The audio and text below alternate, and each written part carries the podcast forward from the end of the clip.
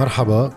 من يومين زميلنا حسن علاق بجريدة الأخبار آه، بيعمل فيديو على يوتيوب آه، بيكون مثل رد على فيديو كنت أنا عملته من حوالي الأسبوعين آه، أم هيك شيء عن موضوع كلمة أمين عام حزب الله السيد نصر الله اللي اعتبر فيها لأسباب عديدة هو ذكرها.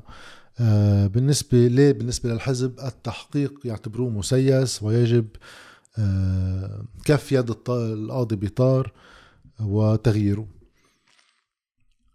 فهذا الفيديو عم بحاول رد على آه، حوالي يمكن أربع أو خمس نقاط أثارها زميلنا حسن ليدافع عن المنطق المقابل. آه، ليش أنا اعتبرت أنه الدلائل أما الحجج اعتبرتها برأيي أنا غير كافي لواحد هيك يقول إنه أنا بعتبره مسيس فإذا يجب كف يده؟ وليش حسن عم بيعتبر إنه لأ في ما يكفي من القرائن وهيك الدلائل اللي بتخلي الواحد يقول إنه مبلا مسيس. فذكر هالخمس نقاط أم أربع نقاط هلأ بمشي فيهم.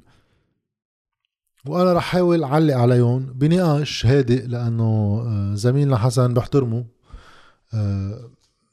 طبعا بيحترم كل الناس ولكن بالصحافة أنا آه، هيك في عندي معيار حد الأداء المهني.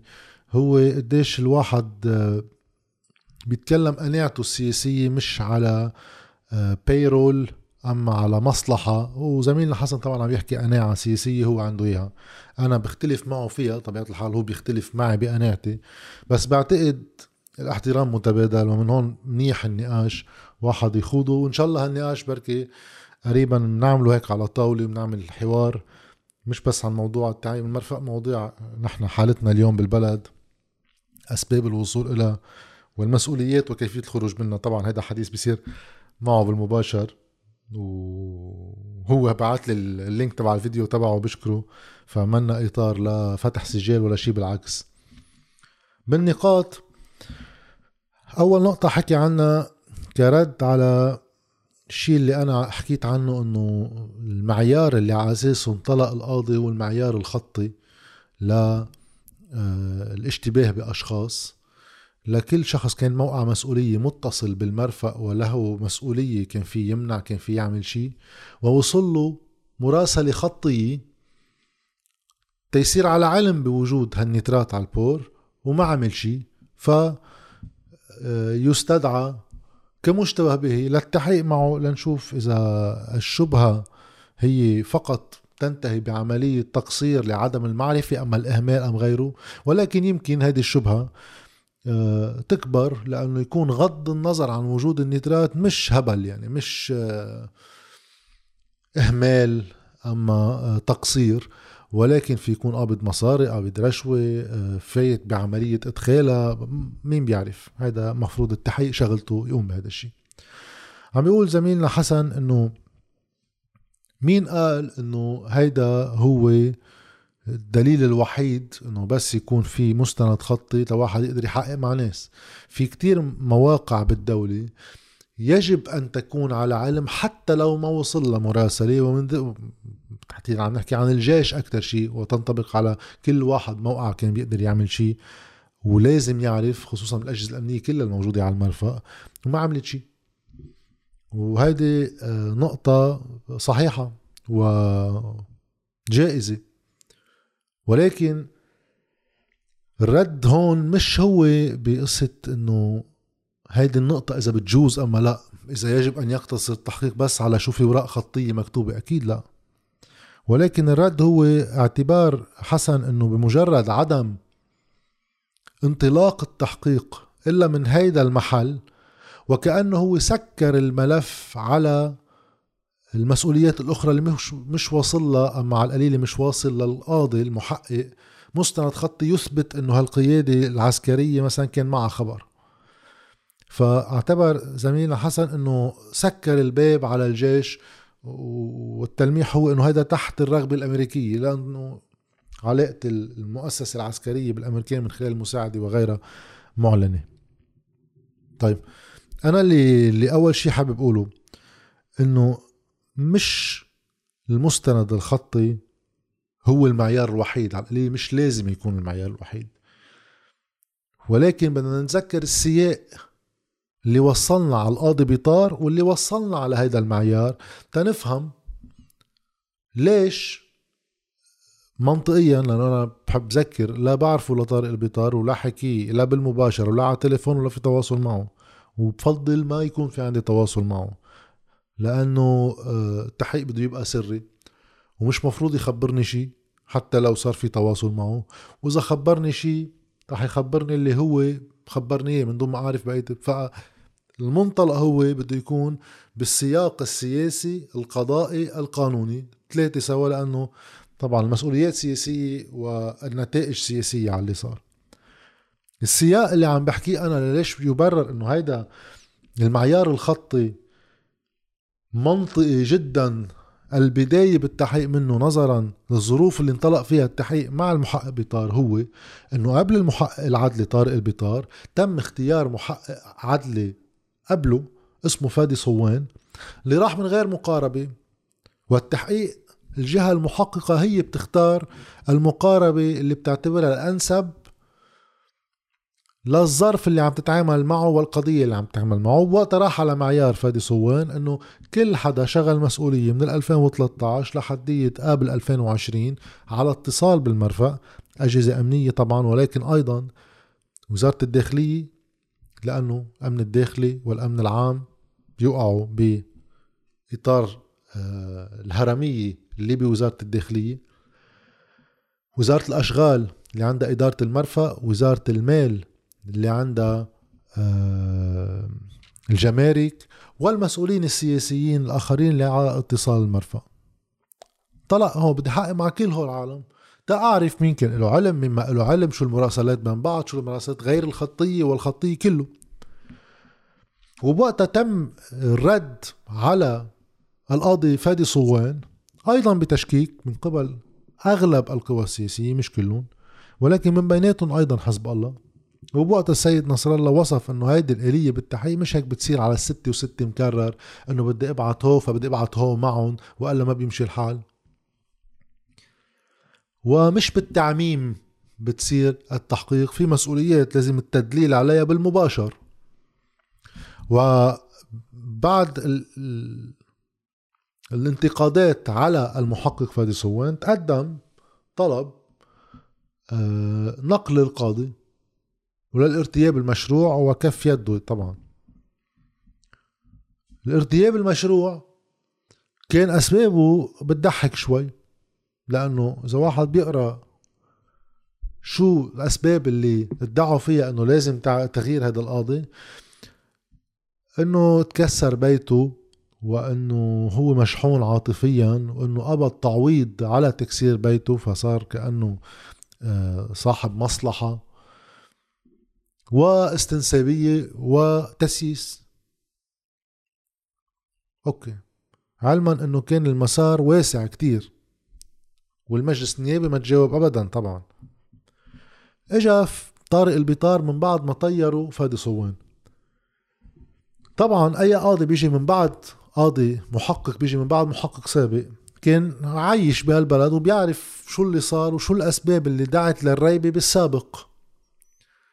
فمن هون بصير بده ينطلق انطلاق بالتحقيق بمنطق إنه أنا بدي دليل انطلق منه ليكون محصن التحقيق من أي هجوم سياسي بيصير عليه بحجة الاستنسابية. أما الستة وستة مكرر أما عم تتهم كل الناس لما تتهم حدا معين ويكون هالمعيار له وقع قضائي يعني على القليل بالدليل في واحد يحمله ويرد لا أنا لا عم سيس ولا شيء كل واحد وصل له. هذا الشيء أنا عم بمشي.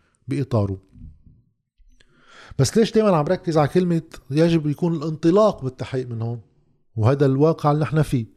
لأنه إيه طبيعي شغلة القاضي المحقق تحديدا هو الشك والظن وما عنده اليقين لأنه هو هلأ عم بيعمل تحقيقه. والشك والظن ما بيمشي بس على مين وصل له ورقة. أكيد في كتير جهات معنية أكيد من ضمن ما اعرف مين هي نص وصل لها ورقة ولا شغلتها توصل لها ورقة وفاتي هذا الخط. إذا مزبوط تهرب كمية من النترات لبرا في ناس لا بورقة ولا بشيء كمان. هو كان عندهم علم وقد تكون في أجهزة مشاركة بالموضوع. بس منطلق التحقيق عم بجرب يجاوب على ليش طار أول محقق. تيجي تاني محقق من بعده ينطلق منه. هلأ أنا عم بحكي بهول النقط ورح كمل يعني. بس بالنسبة لي الأساس هو رح أحكي بالآخر اللي بتصور أنا وحسن رح نوصل عليه بتصور منطلقه نكون متفقين عليه وأن بالخلاصات بعتقد نحن مختلفين. بس رح أمشي بهون نقاط لأنه أثيرت من السيد نصر الله والناس قبله طبعا حكوا فيها وناس علقوا عليها وأنا وحسن وكلنا. بس الخلاصة هي سياسية بالآخر لأنه الإجراءات القضائية هلأ رح نوصل فيها شيء شكلي.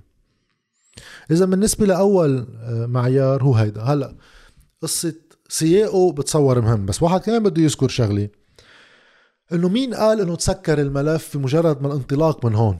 انطلاق عم بيكون من محل أنا برأيي كتير مشروع قضائيا يبلش من هون. هلأ وين التحقيق واصل ولوين بده يوصل ومين بده يستدعي؟ هذا أمر مفروض ننطره. هلا بنوصل على انتظار القرار الظني كمان حكي عنه زميلنا حسن. بدنا ننطر ونشوف لأنه اليوم أنا ما بقدر بمجرد ما استدعى كل الناس اللي واصل لها قصص خطية قول خلص أنت مسيس لا منه يعني المنطلق هون سليم. إذا بوقف هون ببطل سليم. إذا وقف إنه خلص هو هون وهي هي الدعوة وهي القضية كلها تبع انفجار عند هول أربع خمس أشخاص وخلصنا. أكيد لا. بس ليش هيدا طريقة عزل القاضي بمنع أي واحد من الحضور لعنده هو عم بيعرقل استكمال كمان التحقيق. طيب رح أعطي مثل بسيط. عند رئيس الحكومة السابق حسن دياب على أيام فادي صوان حتى مش بس عند آه، طارق البيطار اللي كمان رفض المثول أمامه حسان دياب وأخذ غطا من دار الإفتاء وإجا لعنده سعد الحريري لما كان بيحكي هو وياه من وقت ما اجى غير بالمسبات المتبادلة. هون مشي حالهم لأنه صار في حاجة للحمايات المتبادلة. تما يفتح الباب على رؤساء الحكومات. وزاروا بسرايا الحكومة ورفض الحضور. طيب كلنا بنعرف بالمعلومات المتداولة بدها تأكيد بس يعني صارت متداولة من مصادر عدة في واحد يذكرها.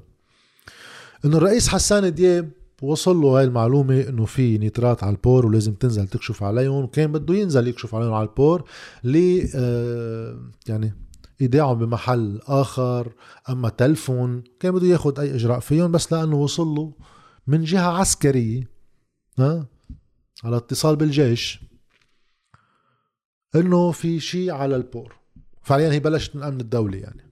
بس في جهة عسكرية إجت لعنده وقالت له شو بدك بهالشغلة؟ رح تنزل تتبهدل وهول بيستعملوا للقصص الزراعية. بتكون يعني عم تعمل قصة إنك بدك تنزل تشيل شيء خطير وبيطلع عليك حملة إعلامية إنه تجليطه وعم تعمل عراضة. هيك نقل ها كل هالرواية أنا ما بتبناها حرفيا بس هي صارت متناقلة جدا. وعدل عن الزيارة للبور وبقيوا النيترات تحت وصار الانفجار بأب. فلو حضر السيد دياب كان في واحد ياخد كمان بالدليل بالشهادته. من هي الجهة العسكرية اللي قالت لك ما تنزل؟ لأن هيدي الجهة العسكرية لكان على علم بموضوع نيترات هلأ هي عم تعتبره مش خطير عن جهل أم عم تعتبره مش خطير لأنه بدها تشيح النظر عن وجوده وما يرتب مسؤوليات عن ناس وهون بنرجع بنفوت مدخل آخر للوصول للجيش وقياده الجيش الحالية. أنا جدا مقتنع قناعه شخصية إنه الجيش هو المسؤول الأول بموضوع النترات ووجوده بالبور. لسبب كتير بسيط إنه هو الجهة الأمنية اللي عندها صلاحية. من دون ما يرجع لا قاضي ولا الجمارك ولا إدارة المرفأ بإنه إذا شاف في خطر من هولي يقوم يا بتلفون يا بإعادة موضعت هيدي النيترات بمكان آخر. ف جوزيف عون إذا ما كان عارف كان لازم يعرف وهذا الشيء له سياقه ولكن تواحد يمشي بين الألغام السياسية اللي في سلطة سياسية ما في يتجاهل عن كل مجهوداتها اللي قامت فيهم. من أول يوم على أخذ الموضوع السياسي بتقاذف الاتهامات ومنع أي إجراء قضائي فعلي يقلع من بدايته. من أيام فادي صوان وصولا لهاللحظه وأكيد إذا في محقق بده يوصل بغايته على نتيجة من التحقيق بده يمشي بين هالنقط اللي بيعرفها. وإلا في يعمل مثل ما عمل فادي صوان ورح يتهم بالتسييس ورح يقول له شو دليلك عم تبعت ورا فلان؟ وهيدا اقتصاص سياسي وما بنخلص. بصير إذا عمل هيك ما بنخلص وإذا عمل هيك ما بنخلص وإذا عمل هيك ما بنخلص. فالمنطلق جيد بالنسبة لإلي طبعا. وما عليه مشكلة قضائية بالمعنى القضائي. ولكن إذا توقف هون أنا بصير مع اللي قاله حسن. إذا إذا خلصت هولي يعني إنه خلصت إنه بعلي حسن خليل وغازي زعايتير ويوسف فنيانوس وحسان دياب مين بعد فيه نسينا لنا شي حدا. إذا خلصت هون هذا المشنوق. إذا خلصت هون إيه لا هذا الشيء بيكون مجتزأ وفي مسؤوليات بعد واسعة وبدنا نعرف كيف إجوا مين مين آه، استفاد من مجيتهم ومين استفاد إذا كان فعلا تم بيع أما تهريب جزء منهم.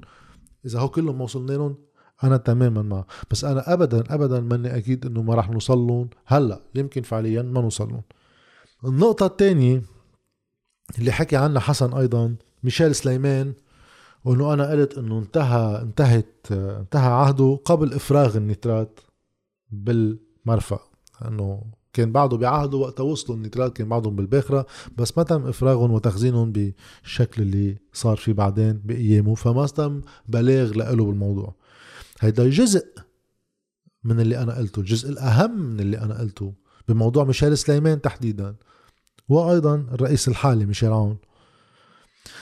إنه المحقق العدلي ما عنده الصلاحية القانونية للتحقيق مع هول الأشخاص.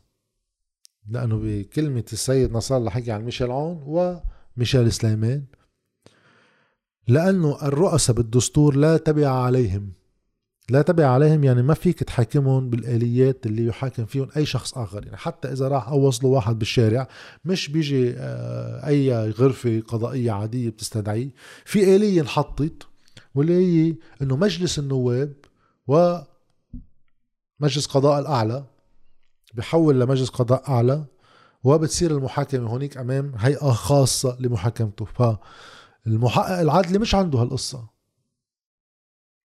ما بيقدر يوصل لهون. إذا مجلس النواب شايف لازم يوصل لهون فليجتمع المجلس ويحيلهم. بدها أكترية تلتين بيجتمع المجلس وبيقرر اللي بده إياه ليش ما بيتصرف. فقصة إنه قبل وبعد هي استكمال ل ليش هذا الموضوع آه، مختلف بآلياته. أكثر ما عم نحكي عن قصة المسؤولية المباشرة عن ميشيل سليمان أما شخص ميشيل عون إذا كانوا بيعرفوا شو كان فيهم يعملوا ما عملوا أنا جدا مع إنه واحد يوصل بالتحقيق لهولي. هلأ الرئيس الحالي ميشيل عون طلب إنه أنا خي بدي لي طوعيا بشهادتي وأنا مع الاستماع له وما حدا بيقول هذا الشيء بيتم ولا ما بيتم. كمان لنشوف الاستباق بالنقد والانتقاد والهجوم أنا هون مشكلتي ومش الانتقاد الانتقاد أنا معه. ينتقد كل واحد حقه ينتقد. الإشكالية صارت وقت نيجي نقول وصلت معنا لهون منه بده يطير حتى لو مش بالآليات القانونية. لأنه آه، نزلت وفيق صفا لتحت والحديث إنه للصحفيين إنه وصلت معنا منه لهون. بعدين كلمة السيد نصر الله اللي بيقول خلي يشوف مجلس وزراء شو بده يعمل. مجلس وزراء ما دخلوا بالقصة ما في يعمل شيء. في آليات قانونية وغيره. واليوم طلبوا المحامين تبع علي حسن خليل وغيره إنه خبرونا مين الجهة المعنية لنقدم لها طلب الرد. يعني عم يمشوا بالآلية القانونية. ليش الطلب من مجلس وزراء ومجلس قضاء أعلى تدخلوا شو بدكم تعملوا؟ تحت أي صلاحية قانونية عندهم إياها. هون الإشكالية. أما الانتقاد وإذا واحد شاف شيء لا ابدا. مشان هيك إنه كلام كمان حسن وقت عم بيحكي بالآخر عن موضوع انتظار التحقيق تينتهي أما صدور القرار الظني ما فينا نعمله. بيقول لأنه ما فينا نتركه بلا رقابة. أنا أبدا ماني مع تركه بلا رقابة وأنا مع كل عمل صحافي وحتى قوى سياسية. دلل على مكامن تعتبرها خاط أو كذا التدليل عليها. لا كمان نخضع القاضي لرقابة رأي عام بس بإنصاف طبعا. رح أمشي كفي بالحديث. آه، بيذكر حسن إنه الرد على فكرة إنه النواب تبع كتلة حزب الله وأمل والمستقبل بشكل أساسي وبعض النواب الآخرين وقت راحوا بمحاولة سحب القضية من عند المحقق العدلي لياخدوها عند مجلس محاكمة الرؤساء والوزراء ادعوا هن لأنه هن المفروض يدعوا على أشخاص ادعوا على نفس الخمسة اللي سماهم المحقق بيطار وطلب وراهم علما إنه الانتقاد له إنه ليش بس هو؟ طيب ليش المجلس ما راح ادعى على أكثر من هو؟ بيجاوب حسن بيقول إنه مجلس النيابة ما عنده جهاز تحقيق فهو واجبه ينطلق من محل ما منطلق التحقيق الموجود. اولا المجلس في قارب بالموضوع كمان مثل المحقق. من المحل اللي بده إياه كمنطلق لأنه ما عم يحكم هو عم يتهم. بقى لا منه مضطر ابدا ينطلق من مطرح ما التحقيق منطلق. في يجي يقول المجلس النيابي في انفجار كبير صاب البلد وهيدا الانفجار له تبعات آه، مسؤوليات شخصية وفي ناس ماتت وفي ناس تكسرت وفي عاصمة بلد وحجم الانفجار بيستدعي إنه نحن نتهم للتحقيق وللمحاكمة اللي بيطلعوا يمكن كلهم أبرياء. كل المسؤولين عن المراكز الحساسة بقلب هالدولة كوزراء ورؤساء سابقين وحاليين إذا إذا إذا هذا الشيء ضروري. آه لجلاء الحقيقة بهذا الموضوع ومنحولهم على مجلس محاكمة الرؤساء والوزراء. أما في يعمل له لجنة تحقيق برلماني يعني معلش إذا إذا المجلس حاضر بموضوع خطة الحكومة سنة الماضي اللي ما تحولت للمجلس أصلا تبرع لجنة من المجلس الطيرة بتوافق سياسي يعني لأنه ما عندها الصلاحية القانونية. فبدها توافق سياسي فوق القانون بيعطيها العضل كله تخضع له حكومة ترجع وفيها نفس القوى السياسية هون هون بتصور انفجار والريبة من القضاء كان بيستدعي إنه يعملوا لجنة تحقيق برلماني ويشوفوا لوين بيحولوا القضية بنهاية التحقيق البرلماني. هون بتزيد فكرة أنا انه مش بس قصة ريبة هذا خيار سياسي عم يتخذ بموضوع التحقيق ورح أوصل عليه بالآخر. لأنه أنا ما بيكون عندي أي مشكلة على الرغم من تحفظاتي كلها على اعتباره من هلأ دغري مسيس ووين صار عم بسمع كمان بعض الصحفيين إنه وتأخر كتير بالقرار الظني وشو ناطر وين بعده. يا عمي شو تأخر؟ أول شيء ما حدا عم يتعاون معه من كل الناس بده يحقق معه لا من الأجهزة الأمنية ولا من السياسيين. تنبلش. يعني ما كتير في تسهيل لمهماته ولدوره. ثانيا طيرتوا قاضي أول وعم يجي الثاني بدكم تحسبوا المهل الزمنية اللي أنتم عم بتضيعوا الوقت فيها. ثالثا جرائم معقدة من هالنوع. واحد بده يكون كمان واقعي. الناس يمكن ما بتحب تسمع هالحكي. بس إنه نحن شغلتنا منا شعبية يعني. شغلتنا نقول القصص مثل ما هي. إيه بتولوز وقت صار في انفجار كبير مثل هذا الانفجار. هلأ من كم شهر طلع القرار الظني كان له سبع سنين تحقيق. ما عم نطلب يكون سبع سنين ومشكلتنا نحن صار لها طابع سياسي أكبر بدها سرعه أكبر. بس دغري بعد قاطع 12 شهر على الانفجار بيجي واحد بيقول وين صار القرار الظني؟ وهو واحد مطير قاضي ومانع أي واحد سياسي ولا أمني يشهد قدام القاضي الثاني تيقدر يستكمل تحقيقه. بقى من هون واحد بصير يقول إنه كان بيقدر إذا المجلس النيابي شايف هالقد في تسييس ياخذ المنحى اللي بلاقيه مناسب. منه مجبور ابدا يمشي بتحقيق القاضي لأنه تحقيق القاضي سري ما بيعرف فيه المجلس النيابي. ابدا ما بيعرف فيه. بل القوى السياسية اللي عم تروح بهالاتهام عم تجي تنتقد القرار إنه مسيس وعم بيدافعوا عن هول الناس إنه هول ما عليهم شيء مسؤوليات إلا ماكسيموم آه، إهمال. طيب لكن في غيره. بقى المجلس عنده صلاحيات أوسع برؤساء الجمهوريات وأيضا برؤساء الحكومات والوزراء والاتهام. لمن يرونه مناسبا. ولكن أنا بمجرد ما أشوف إنه وهيدي هي استكمال للي عم بقوله ليش أنا بعتبر هذا في غاية سياسية وراه أكثر منه بس ريبة من القاضي؟ ويمكن يكون موجود الريبة بس في شيء سياسي أكبر وراه من قبل الناس اللي عم تطلق هالاتهام. لأنه أنا لو بدي أخذها بالشق القضائي البحت والريبة القضائية البحتة طيب أنا بتوقع ساعتها وقت يجي أي حزب أم قوة سياسية أم كتله نيابيه تقول هيدا القاضي مسيس واستنسابي. وأنا بدي أعرف الحقيقة باللي شو صار بس الحقيقة الحقيقة مش أي حقيقة بتخدم سياسيا. فبدي أحولها عن جهة قضائية أقل تعرضا للسياسيين وللتعيين السياسي أما للتأثير السياسي يا مننشئ لنا هيئه قضائية خاصة يا منحولها على المحل المناسب.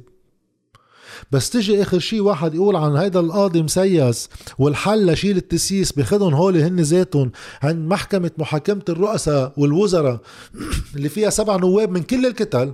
نايب نايب نايب نايب من كل كتلة. بتصور ما راح تكون أقل تسييسا. وإذا بنراجع تاريخ هالمجلس هيدا محاكمة رؤساء الوزراء استخدم مرة بحياتنا آخر 30 سنة من وقت آه، وجوده يعني لإبراء ذمة شهي برسوميان اللي كان القضاء العادي عم بيلاحقه بحجة انه نحوله لهون بس ما معنا كت... تلتين. نزعوا الصلاحية من القاضي وما معنا تلتين ما قدرنا نتهمه خلصت القضية. فهو بده كمان يحط واحد السياق واحد يتعامل مع هالمواقف. النقطة الأخيرة قبل ما أوصل على الختام ومنها بتصور هي النقطة الأهم بخلاصتها. بيقول آه، حسن إنه آه، بالرد على فكرة إنه خلينا ننطر القرار الظني وبعدين ينتقد اللي بده ينتقد. بيقول بالرد اولا إنه بالقانون هذا القاضي إمبراطور وقراراته غير قابلة للمراجعة لأنه المجلس العدلي هو محاكمه على درجة وحدة وهو قضاء استثنائي. وأنا بفيديوهات سابقة أصلا قايل أنا ضد المجلس العدلي وضد المحكمة العسكرية. كل قضاء استثنائي ما بيتيح المراجعات يعني الاستئناف والتمييز وبيطلع قرار مبرم ما حدا في يراجع فيه. أنا شخصيا ضد. بس مش أنا اللي أخذت القرار بتحويلها على المجلس العدلي. القرار اللي اتخذ بتحويل هالقضية على المجلس العدلي كان من قبل حكومة حسان دياب اللي هي مكونة من ومدعومة ومعطية الثقة من قبل الفريق السياسي اليوم. عم أح مش كلهم لأنه في تيار مستقبل كمان. هلا عم بيتهم بالتسييس وكذا؟ ما كان عاطي الثقة بوقته وما كان مشارك بالحكومة. بس حزب الله وحركة أمل والتيار الوطني الحر وتيار المردة هو كانوا مشاركين بالحكومة. هلأ المردة وحزب الله وحركة أمل صاروا معتبرينه مسيس ومعتبرين إنه أنا ما في أنطر القرار الظني. طبعا مش هني معتبرين ولكن الحجة اللي عم بقولها حسن آه، لأنه هيدا القاضي عنده امبراطور لأنه هيدا المجلس على درجة وحدة المحاكمة فيه. إيه بس ما هن قرروا يحولوه هذا المجلس. يعني هذا كان خيار حكومي. من قبل فرق الافرقاء السياسيين اليوم صاروا عندهم ريبة إنه هذا صار امبراطور. ما أنتم حولتوه عند امبراطور. يعني أما بدكم يعني يعني يا ريت بيكون الحرص دائم من فكرة الامبراطور. القضاء اللي ما في راجعه واحد يحل المجلس العدلي ويلاقي بدائل أما يعدل له بقانونه تيصير في محاكمة على درجات. ولكن ما عملوا هالشيء خلال 30 سنة يعني. وهن قرروا يحولوه لهون وتتحول لهون صار لأنه أنت على درجة واحدة بقدر أنا كفريق سياسي أعتبرك مسيس ووقف القصة هون. هلا وإنه المجلس القضاء الأعلى ما قبل آه، طلبات الرد.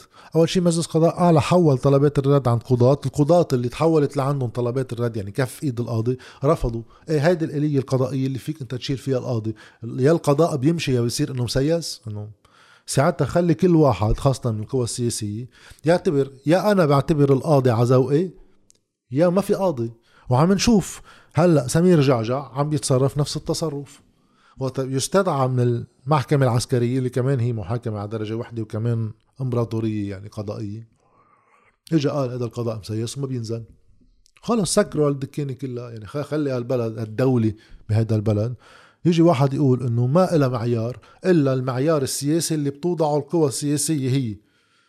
هي فكرة القضاء بالدول الديمقراطية طبعا بعيد الشر عنا إنه هول قوى سياسية خاضعة للقانون مثل ما الناس خاضعة للقانون، القانون هيدا والآليات القانونية هي اسمها دولة.